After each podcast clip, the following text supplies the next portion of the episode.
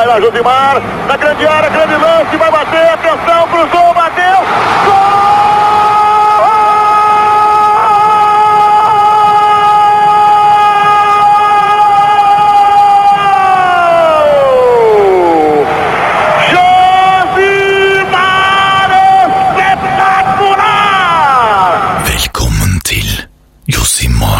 Fotballpodkast. Ladies and gentlemen, welcome to Tour de France with no bikes, no dopes uh, radio.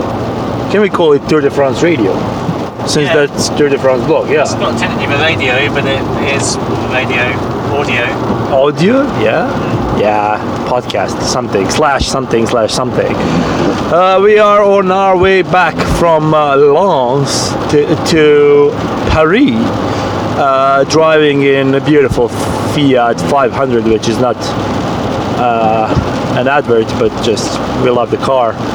And of course, I'm driving, nobody else drives as usual, so it's uh, heavy rain outside and nobody on the road, unlike uh, when we were coming from Paris to Lyon, uh, when uh, hundreds of uh, cars with Swiss registration plates were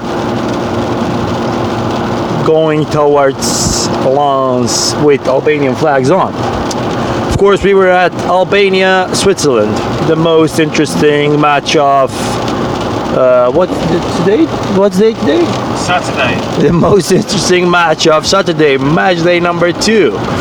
Uh, here in this uh, beautiful five, Fiat 500, uh, which is not an advert, advert. With me is uh, Nick Ames Hello. and Ermal Kuka. That's that's that's a bit difficult for me to pronounce. Ermal Kuka is an Albanian journalist who joined us for this match. Uh, welcome to our Fiat 500, Ermal. Thank you. The spacious Fiat 500, I should say.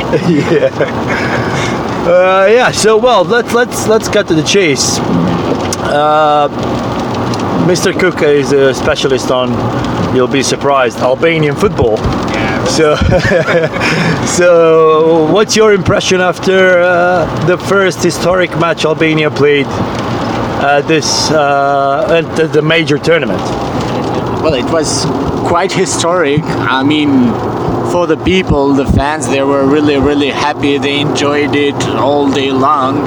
And I think they saw a good match, although it didn't end how we expected or wanted to, basically.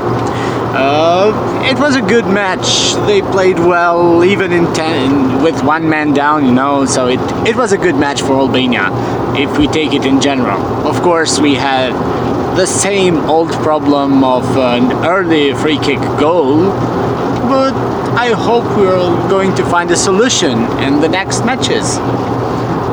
Do you think the players seemed a bit overcome by the occasion in the first half hour, 20 Yeah. minutes especially?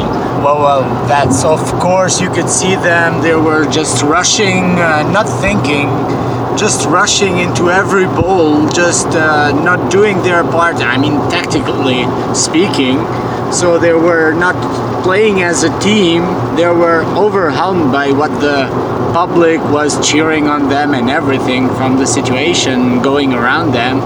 So this is why I mean they played badly in the first I mean half an hour basically and then we just woke up. Com- compared to, to, the, to the qualifiers, I've seen them against Denmark. We've seen them uh, in Belgrade against Serbia, against Serbia at home. Uh, this was a bit more energet- energetic Albania from, from the beginning. Okay, for the first 20 minutes, we're not that good, but it, it looked more aggressive, more attacking, more more attacking wise in terms that we, we expected Albania to defend from from first to 19th minute, and it, it was not the case in this match. Is, is the, do you think that was the De Biasi's uh, plan, or just something that that No, I think they realized they had nothing to lose. I mean, at halftime there were uh, then there were one man down, you know, and there were zero. To, they were losing, so they had to have a different approach in the second half, and that's what they did. They tried to be more aggressive. I mean, fighting for the ball, just disrupting the flow of play of Switzerland, and building quick counterattacks or. Um, through balls, and they created chances with that. I mean, enough for a team for the who who was uh, in its debut match, you know, in a, in such a huge tournament. So you think the nation will, will not be disappointed? Will not be disappointed with this result? I mean, of course, they will be disappointed because it would have gone differently. It could have gone differently because we created chances, but not disappointed uh, by, by by the match in itself. They saw the guys give their best, you know. Yeah. so that's that's their win. There's, there was quite a lot of players on the Albania team who maybe we're getting to know because we um, we don't see often.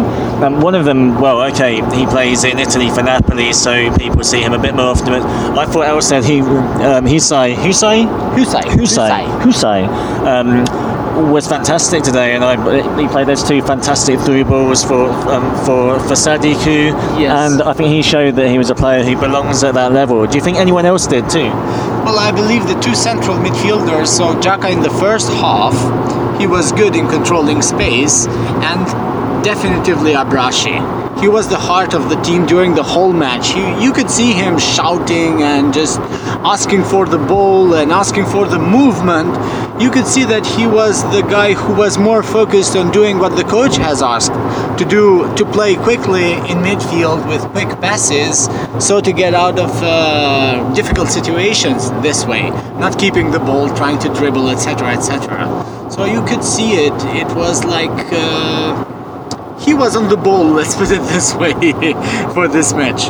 And tell me, the, the you, you spoke to the, the father uh, of Xhaka brothers. Uh, tell, tell me, uh, how was his reaction? It, it was the match that, that was basically uh, that, that's the thing that highlighted this match. It's, it's the thing between was- brothers. He was happy. He was happy. I mean, for the match, he said, "I wanted a draw definitively, but I'm happy of uh, the way my, my sons played. So it's it was good for him. You know, he was happy after the match. You could see it. He was calm because nothing serious happened. You know, because it, it's a difficult. I guess it's a difficult situation for him and his family. Yeah, of you course. know. That, that's what that's what Granit said on the, in the press conference. Is that it was a bizarre match for for him for he uh, for him and his family. So, but uh, obviously we witnessed it. Uh, boo, booing of of, uh, of Alba- Albanian players in in uh, in uh, Swiss team, uh, as you said, Behrami, It's- most of them. Uh, uh, tell me this: uh, the, the the story before the match was that uh, they were not considered to be uh, traitors in Albania.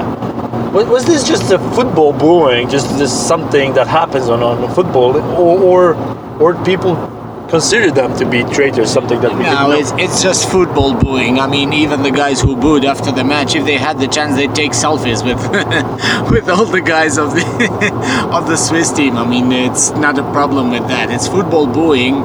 It's um, these guys have already told they made a choice, which means they choose to play for Switzerland, and none of them ever said that they are not Albanian. If you hear Behrami time and again, you should see him in the press conferences as well he gave today. Time and again, he says, I am Albanian, and that is undeniable.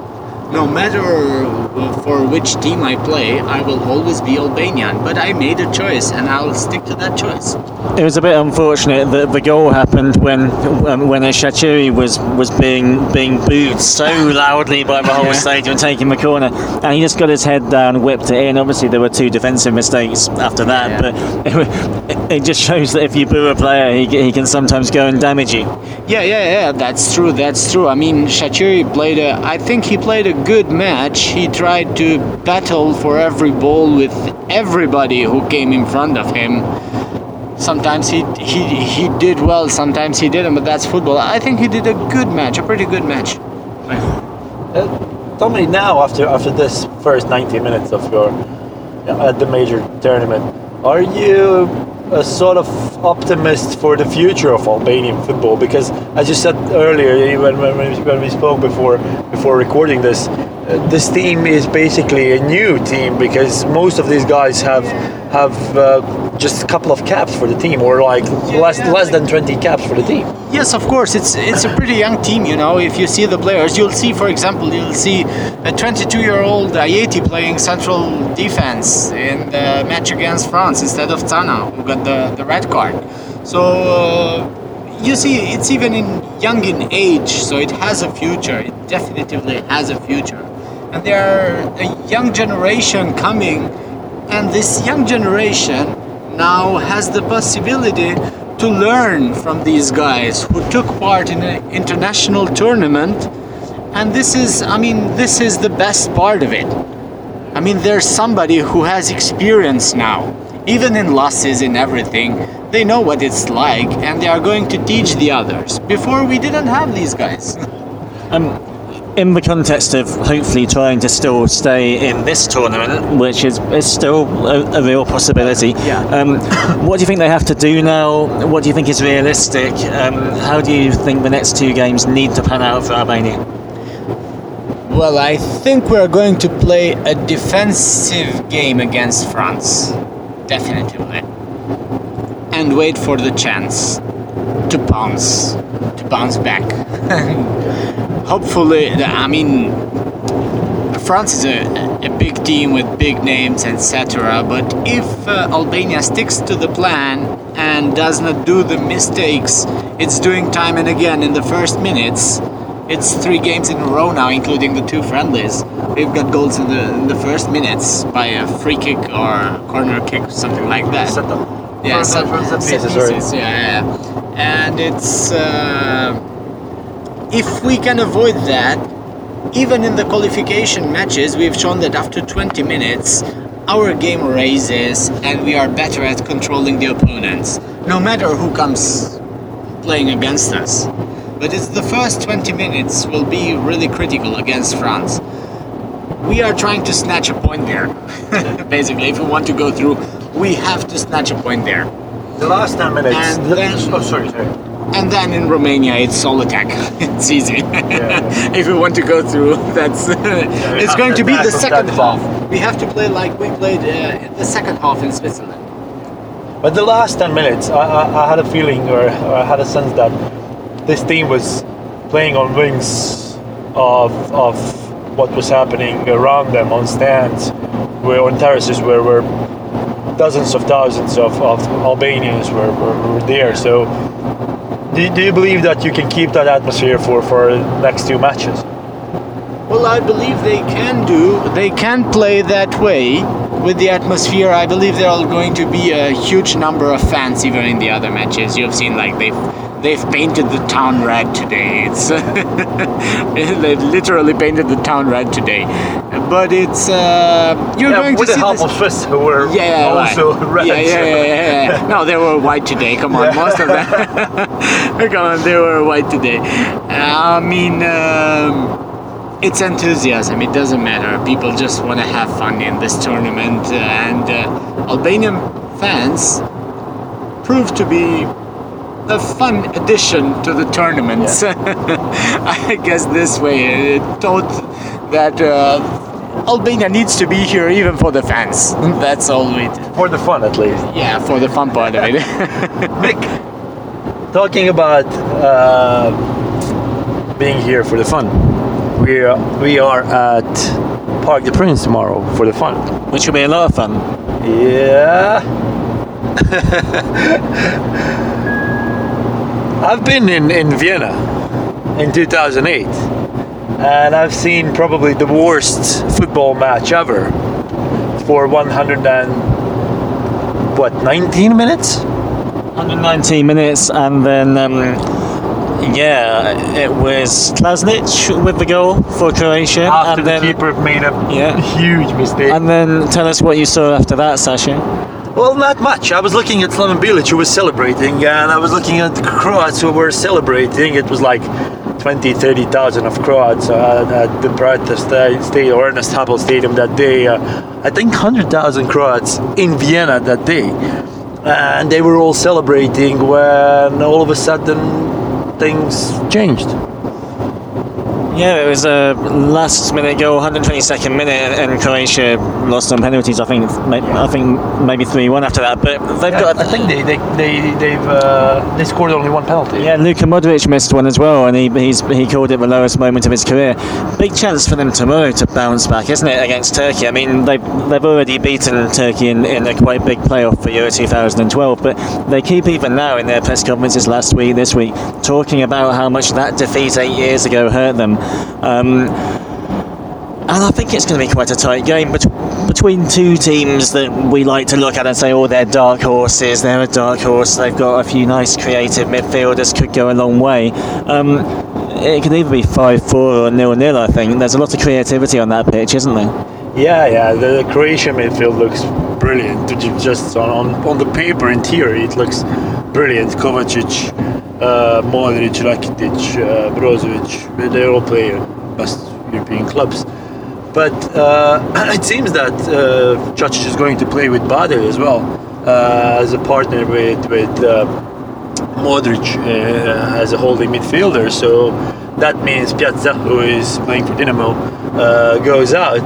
The biggest question, basically, in last what three weeks was uh, who's going to play on the left back, because since Cacic uh, arrived, uh, since Cacic took over Croatia after that Norway lost, yeah, uh, lost. Sorry, uh, did not seem to like uh, Ivan Strinic, the guy who plays for Napoli or sits on Napoli's bench, but is the only proper left back that Croatia has.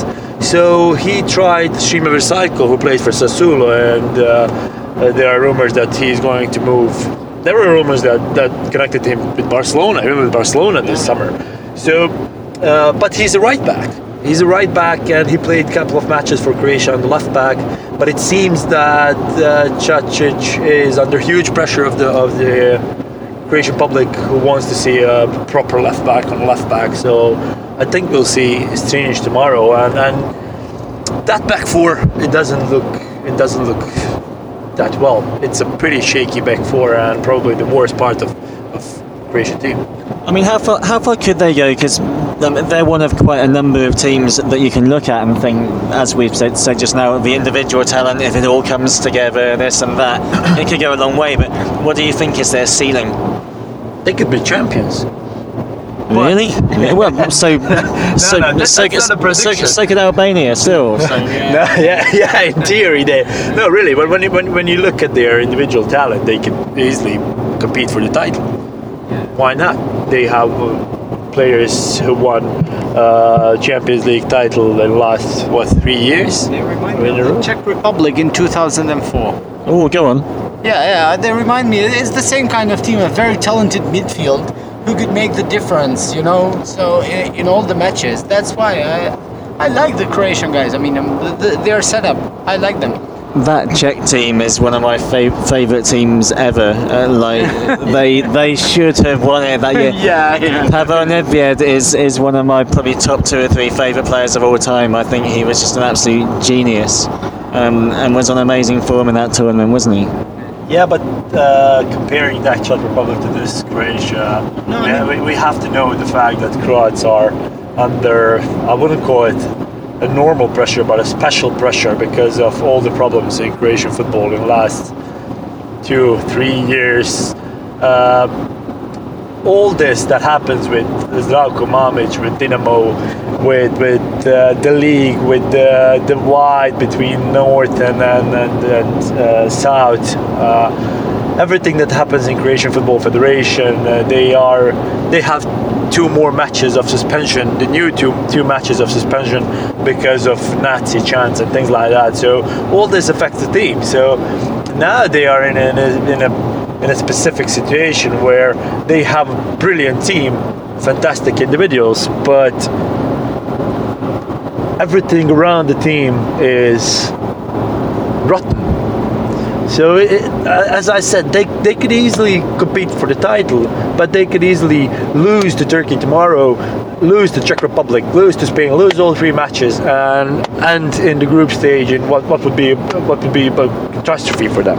Well, they lost in the group stage in the World Cup and Euro 2012, didn't they? So they've got a precedent for failure since that night in 2008. Yeah, ever since they won the third place in, uh, in France in 1998, everything is compared to that generation of Boban, Prosinecki, Suker, so, so on, so on. This generation has additional pressure of playing in France, where, where the golden generation played, and I don't know. I'm, I'm, I'm not a bit big optimist when it comes to Croatia. They have a brilliant team, but they are not the team.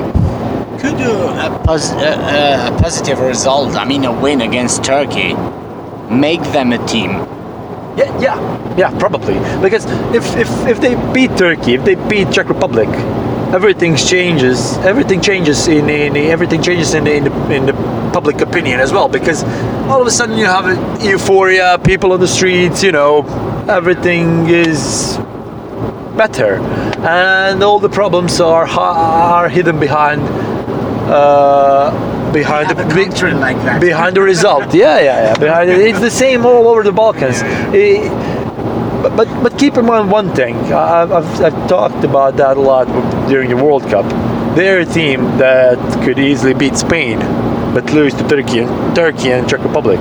It's what happened to them in in um, what 2002 when they beat italy but went out because they lost to uh, to Ecuador, or in 2006 when they when they lost. Uh, in a, or not, they, they drew the crucial match against Australia, but went out because they didn't they couldn't beat Australia, and and that's the thing that happens to, to Balkan teams. It happened to Serbia in 2010 when they beat Germany but lost to, to Ghana and went out. So as, as usual with, with with Croatia and all the other teams that come from that part of Europe, you, you just can't predict anything.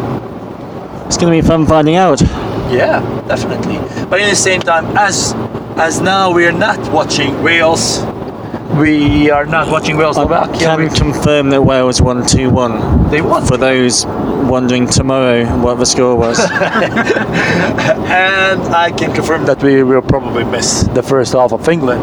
So we'll probably miss you better put your foot down then, didn't you? we'll probably miss Northern Ireland tomorrow. So should we just ignore that match? No, well, I think Northern Ireland have shown that they've got a result in them, haven't they? But um, they did have a really quite boring and not that difficult group, I think, if we're not But- beating about the bush. And they are up against some, what I think is a top, top side tomorrow, actually. A top team in, in Poland. But tell, wait, wait, wait, just stop there. I just want you to, to tell the, the, the story about the, the famous chant now in France. Will Grigg is on fire. Will Grigg is on fire. Yeah, I was hearing it in the pub I was watching the opening game in last night. There was uh, some Northern Irish lads came in and very much outdid the the French boys with uh, with their Will Grigg chant. Will, um, Will Grigg is a striker, plays for, for Wigan Athletic, and um, well, they've just been promoted to the Championship. Scored a lot of um, a lot of goals last season. Hasn't really done much international level. I, I mean, he's he's English born, but with Northern Irish ancestry. Just been called up to the squad. Um, and he's on fire. Uh, he won't start, but he might be on the bench, um, and we might see him come on. Will be will be will he be on fire on the bench? That could be Um, interesting. uh, that would be dangerous as well. so let's hope not. Can you sing the song, please, Sasha? no. No, I'm not going to sing I'm it. just looking at our at our gas, and it seems that we are running out, out of gas. So I think we sounds a, just- sounds a little bit like this podcast already. So we'll probably need our phone now. So, dear listeners, thank you very much. You've been listening uh, Tour de France radio, and you've just heard the gas, the sound that that uh, we- we are off. Cheers. We'll probably bye-bye. have to push now. Bye bye. cheers, cheers, cheers. Takk for at du hørte på Josimars podkast. Du finner mer fotballstoff på nettsiden josimar.no.